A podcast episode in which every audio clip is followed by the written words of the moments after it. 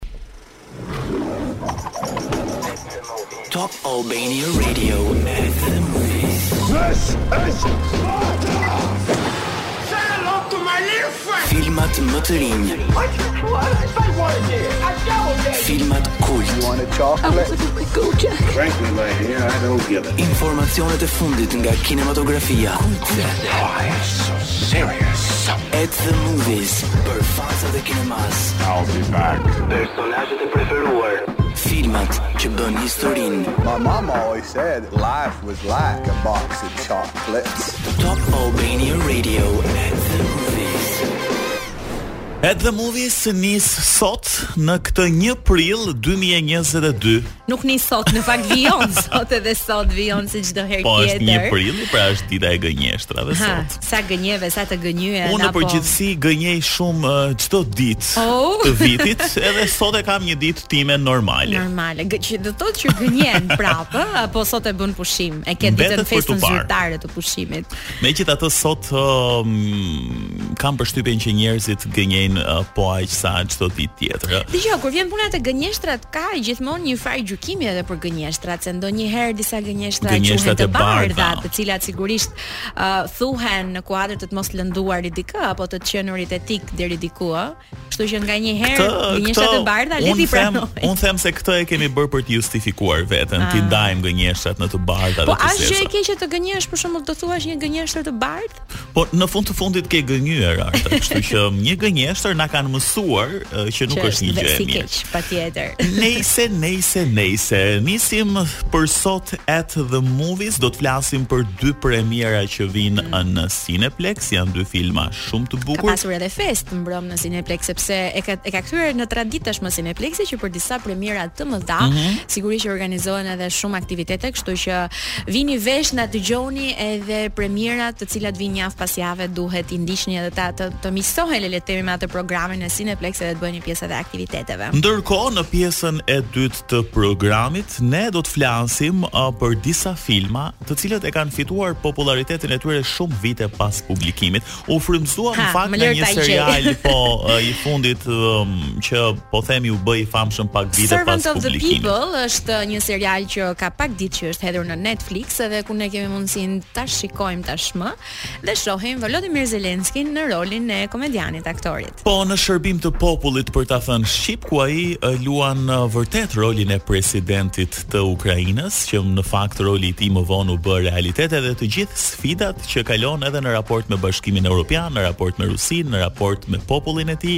uh, ka shumë situata komike, disa prej tyre janë bërë virale në TikTok, në Instagram, Aha. që pasi Volodymyr Zelensky u bë po themi një nga liderët më të përfolur të këtyre viteve të fundit. E, me sa duket duhet thënë që jo vetëm The Simpsons shërbejnë tashmë si parashikues, sepse deri më tani The Simpsons mbante fronin si të qenurit një serial dhe një film i animuar i cili ka parashikuar më shumë ngjarje madhore në të gjithë botën, por me sa duket kemi edhe shumë filma edhe seriale të tjera të cilat me sa duket kanë parashikuar se çfarë do të ndodhte në të ardhmen. Do të kemi, do të kemi kohë mjaftueshëm për të folur për të gjitha këto. Nisim programin menjëherë me një kolonë zanore uh, të një filmi të cilin do ta prezantojmë pas pak. Um, ka qenë një lojë dikur mm -hmm. që e mhm. kemi luajtur të gjithë dhe do ta zbulojmë pas pak se për gë bëhet fjalë.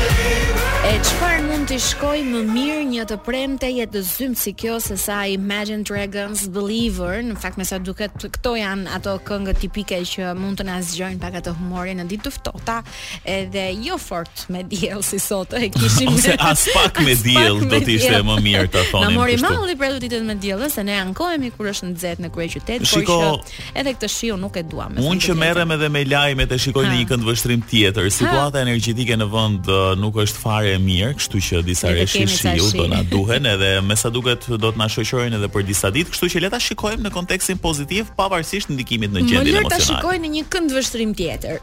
Ditët me shi janë tipike gjithashtu edhe për të parë më shumë filma. qoftë në kinema apo edhe në shtëpi, por tani do ju sillim premierat që kanë ardhur në Cineplexx, duke nisur me të parën aksion-aventurë. Morbius është filmi i parë që na vjen nën interpretimin e Jared Lareto, Michael Keaton, um, Tyrese Gibson dhe Adria Ariona, Ariona ashtu? Mm -hmm. Duket si shqiptare, si shqiptare. por um, nuk është e tillë, është amerikane. Ndoshta edhe i lexuam mbiemrin gabim, kështu që um, Duhet ta verifikojmë. Flet për biokimistin Michael Morbius, i cili përpiqet të kurojë veten nga një sëmundje e rrallë gjaku, por duket që eksperimenti i tij shkon keq në fakt edhe pa dashje ai infekton veten, duke i shkaktuar duke i shkaktuar kështu vetes një formë vampirizmi, pra duke u kthyer në, në një vampir, vampir praktikisht. Mua më kishte marrë malli për filma të tillë me Marvel po e po, por sepse Marvel kemi pasur, por me filma um, me eksperimente njerëzore, mm. eksperimente të cilat shkojnë keq, që thuhet se janë bërë dikur në kohën e nazizmit, por um, Ky nuk flet për një të tillë në kohën e nazizmit, por është thjesht një biokimist i cili um, përpiqet të bëjë diçka për veten dhe sigurisht shndërrohet në një gjë krejt tjetër që më pas kthehet në një rrezik të madh për të gjithë. Dhe siç thamë është bazuar në Marvel Comics, Morbius the Living Vampire ose um, vampiri Morbius. Duket se um, nuk është një krijim i tanishëm i Marvel, ka ekzistuar sigurisht më herët uh, si pjesë e Marvel Comics. Po traileri ç'na thotë? Trailerin e dëgjojmë tani.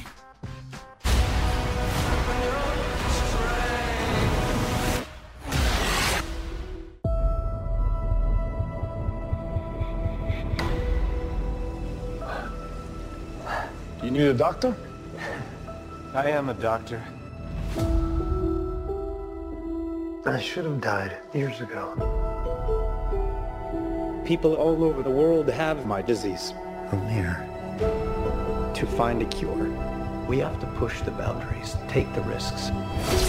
Edi më shpjego pak uh, pse unë kam fiksuar gabim emrin e Jared Leto. Nuk e di, nuk e di. Gjithmonë Lareto, nuk e di pse. Mos ke pasur uh, ndonjë gjë me ndonjë jo, me emër Lareto dikur në jetën tënde. Më duket kështu, sikur ka më shumë rimë nëse i them Jared Lareto sesa Leto. Tingëllon bukur, a? Tingëllon më bukur ndoshta, por që po, ja. Po shkruaj një herë Jared në Instagram dhe mbase do ta marrë parasysh që ta ndryshojë jo, jo. emrin. Lash. Mirë, uh, Morbius ishte premiera e parë në Cineplex. Tani do të shkojmë tek uh, Sonic the Hedgehog 2. Ishte uh, kënga e parë në fakt që erdhi kolonë zanore e këtij filmi për të cilin unë thashë se do flisja. Aventurë komedi është um, po themi një mix mes personazheve të animuar dhe um, personazheve njerëz të vërtetë. Idris Elba rikthehet mm -hmm. në mhm. ekranin e madh të kinemas. Dikur është uh, dikur para pak viteve u shpall edhe si mashkulli më seksi. Ishe dakord me këtë Më pëlqen, është Çmim, edhe aktor. Futet në preferencat e tua. Shemar Moore, Antoine Eilish janë disa nga aktorët që do të marrin pjesë në Sonic the Hedgehog 2 dhe do ta dëgjojmë tani trailerin për t'ju shpjeguar më pas se për çfarë bën fjalë. Sonic e keni dëgjuar tek loja e famshme japoneze e cila u krijua në vitin 1991, kështu që nuk është se nuk ka fare lidhje me atë lojë.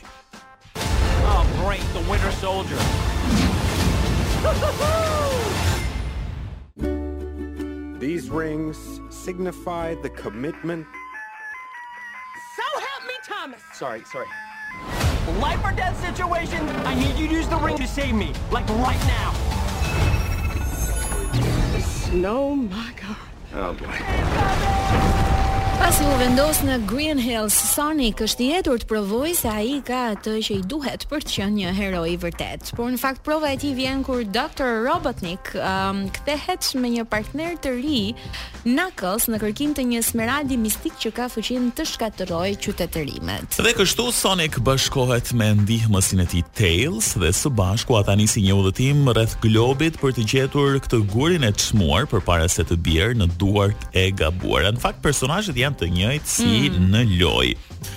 Dhe ka qenë dikur shumë e famshme. Unë e kam luajtur kur kam pasur Nintendo-n tim të parë Sonic Dash. titullohej. Pse nuk e mbakam mend unë, duke marrë parasysh që ka qenë një lojë e viteve 90, besoj, ka qenë shumë e famshme. Ka ardhur në të njëjtën kohë kur është publikuar edhe Super Mario. A pikërisht aty do të dilja që Super Marion e njohim të gjithë, po, por, por Sonic ndoshta nuk e mbaj mend për momentin. Këtu nuk ka qenë shumë e popullarizuar ose jo aq e popullarizuar sa Super Mario, por mhm. krijimi erdhi pikërisht në atë periudhë kur u publikua dhe Nintendo si video game. Më pas Uh, ka ardhur në disa forma, ka patur mm -hmm. Sonic Racing, pra gara me makina, Sonic um, me pengesa e tjera e tjera, erdhi mm -hmm. në mhm. shumë forma dhe më pas uh, vit pas viti është përmirësuar Sonic the Hedgehog dhe tani ka ardhur si formë e një filmi. Mm, domethënë, uh, kinematografia njihet për këtë rikthimin le të themi të shumë ngjarjeve ndoshta nga fëmijëria jonë apo uh, shumë kujtimeve që realisht ë uh, na bëjnë të ndihemi mirë deri diku ose të kthehen në një farë kohe të bukur. Ndoshta i viteve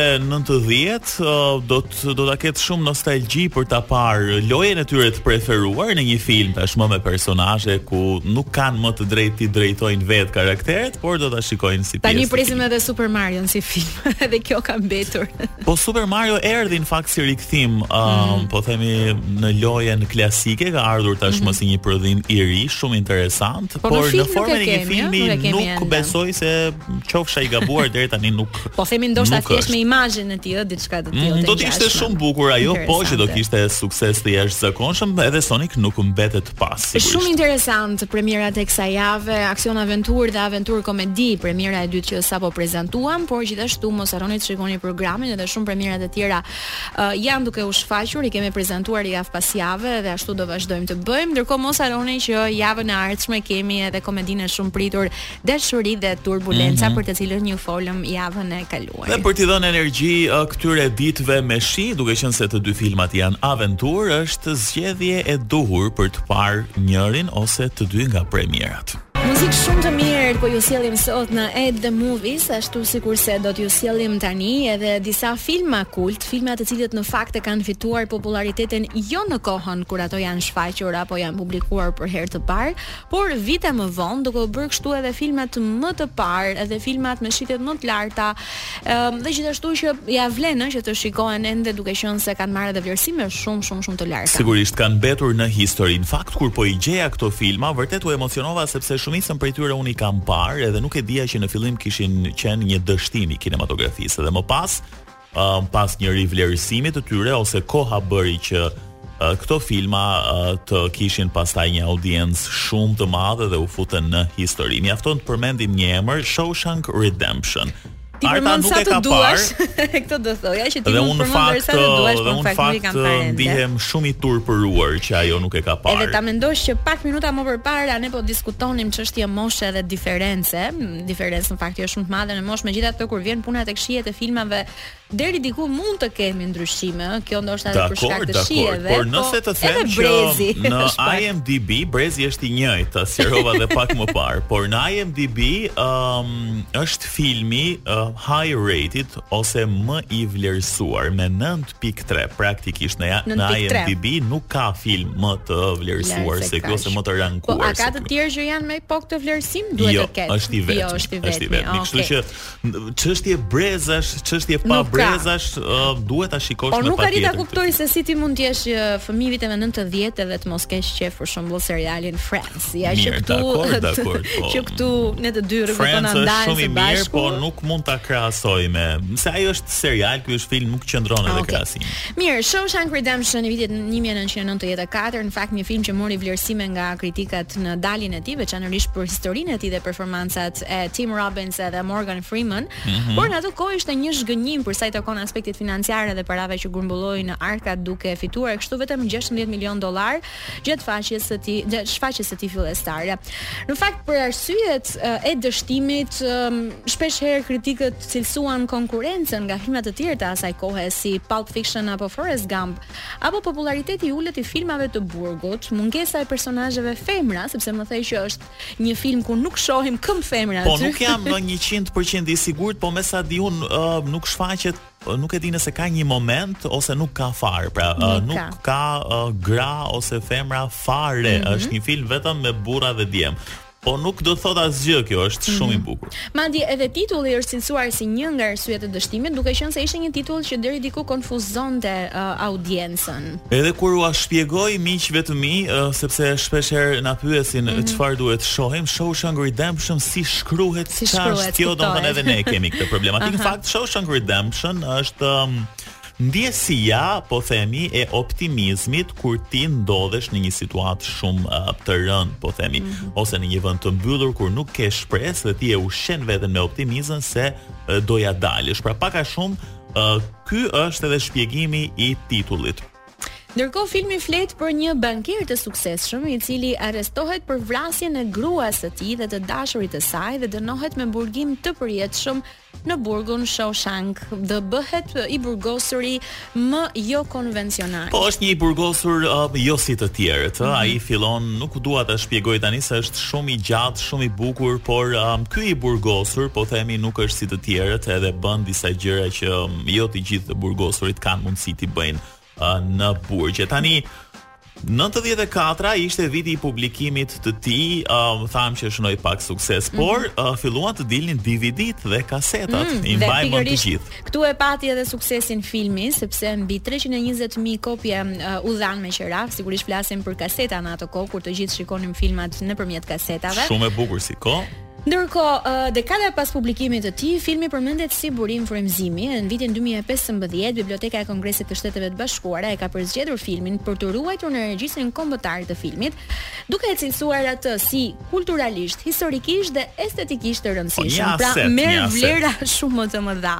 Dhe në nëntëdhjetë e pesën ishte um, video kaseta e dhënë më së shumti me me qera në të gjitha dyqanet amerikane dhe në fakt është vërtet një gjë shumë emocionuese për ata persona të cilat e kanë kaluar këtë kohë kur shkonin në videotek tërhiqnin një kasetë shikonin. Ka qenë shumë bukur ta mendosh, ka qenë një, një lloj aktiviteti që ti duhet të dili e të merrje një film me qira ta shikoje dhe pastaj ta ktheje. Ishte shumë interesante, ndryshe nga sot ku filmat i kemi një klik larg apo pak kilometra larg. Sigurisht, prandaj aq më tepër kjo mm, po themi periudha e viteve 85, 95 ka qenë një periudhë super e artë për kinematografinë. Përmendëm pak më parë edhe tituj si Forrest Gump, e shumë filma të tjerë që erdhën në atë mm -hmm. periudhë.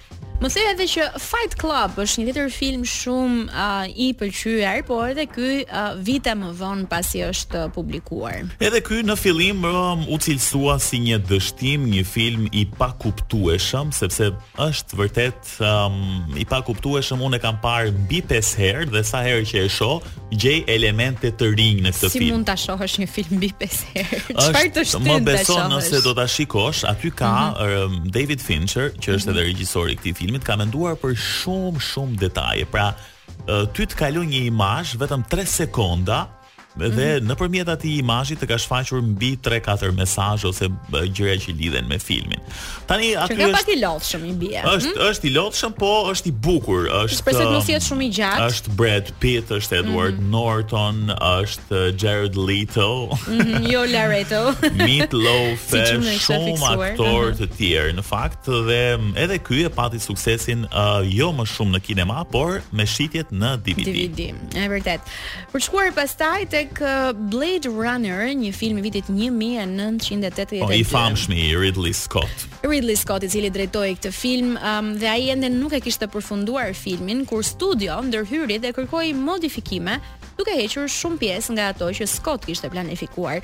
Kështu filmi përfundoi në një dështim sa i përket fitimeve, me kritikët që e hodhën poshtë, por gjithçka ndryshoi me kalimin e viteve e veçanërisht kur Scott publikoi versionin e tij Blade Runner në 1992-shën, pra po, një dekadë më vonë. Është histori tjetër, pra këtu kur u rikthye, po themi mbase mm -hmm. ajo ideja origjinale që kishte Ridley Scott, pa, pa iu hequr, po pa pa tjetërsimet e tij, pati suksesin e jashtëzakonshëm, më pas kanë ardhur disa Blade Runner, më i fundit ishte para shumë pak kohësh tani. Mm -hmm. Edhe ai u cilësua mjaft i suksesshëm për sa i përket sidomos efekteve speciale grafikave.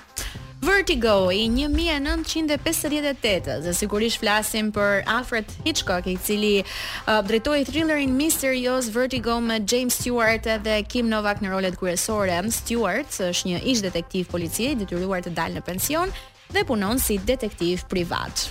Ai mori vlerësime të ndryshme në fillim, por um, kur flasim për Alfred Hitchcock, ai uh, ka korrur vetëm sukses dhe um, ky ishte një ndër filmat që në fillim u, u cilësua si më i dobëti i tij dhe më pas u cilësua si një ndër filmat më të mirë të tij. Pra suksesi erdhi shumë kohë më pas kur filloi të shfaqej në televizion, Dhe po themi um, njerëzit u përballën më shumë me filmin dhe disa e kuptuan, disa jo, po shumica e gjeti po themi um, të gjitha të çelësin e suksesit te ky film edhe një fakt interesant për Alfred Hitchcock mm -hmm. ishte se meqë jemi ende te kjo atmosfera e Oscars është um, regjisori i cili ka folur më shkurt në historinë e Oscarve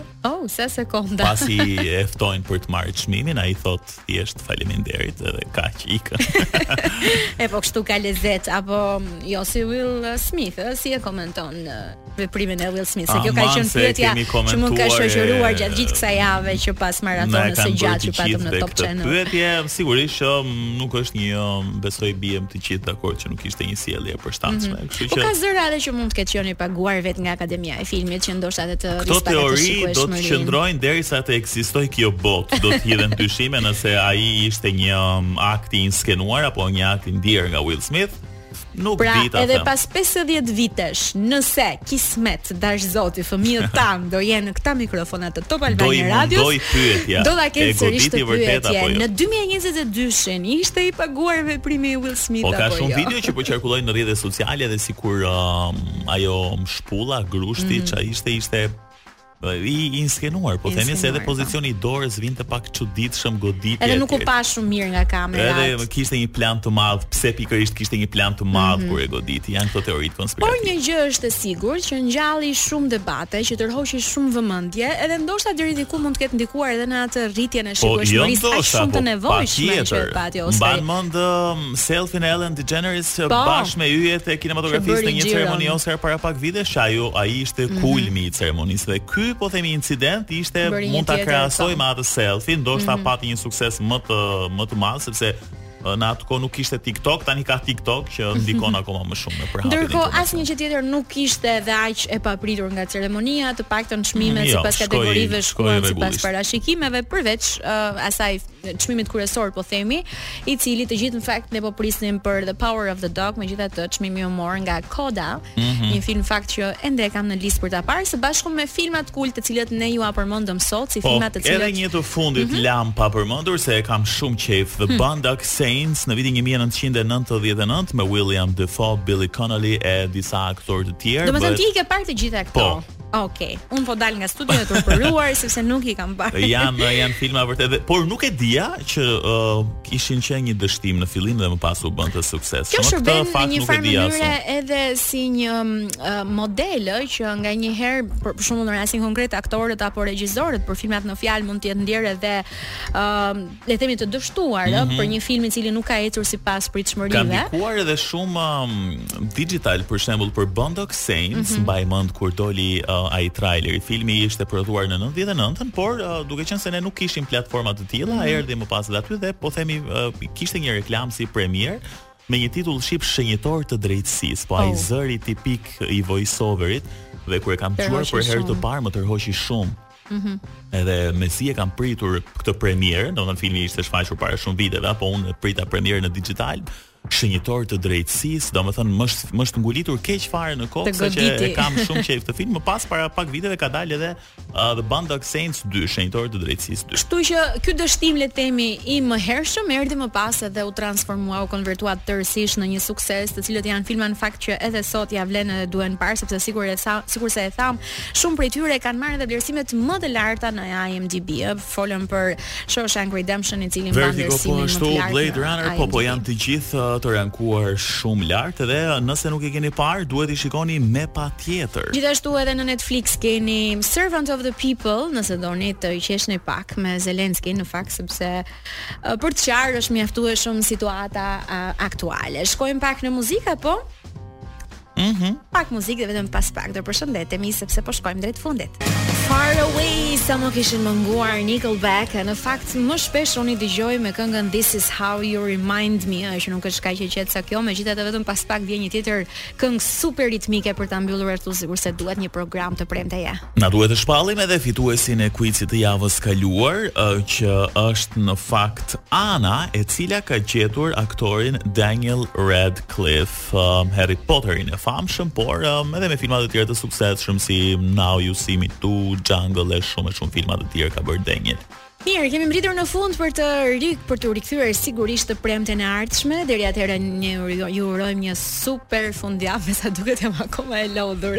Je, duhet ta them. Ai ai qëndrimi deri në orën 6 të mëngjesit sigurisht që më ka lënë pak më pas soja, po do të flem në fundjavë, ashtu sikurse do shohim edhe shumë filma. Okej, okay, bashkë do të jemi të premten e ardhshme deri atëherë kalofshi bukur mirë. Kryptonite, Three Doors Down janë të fundit për At the Movies sot.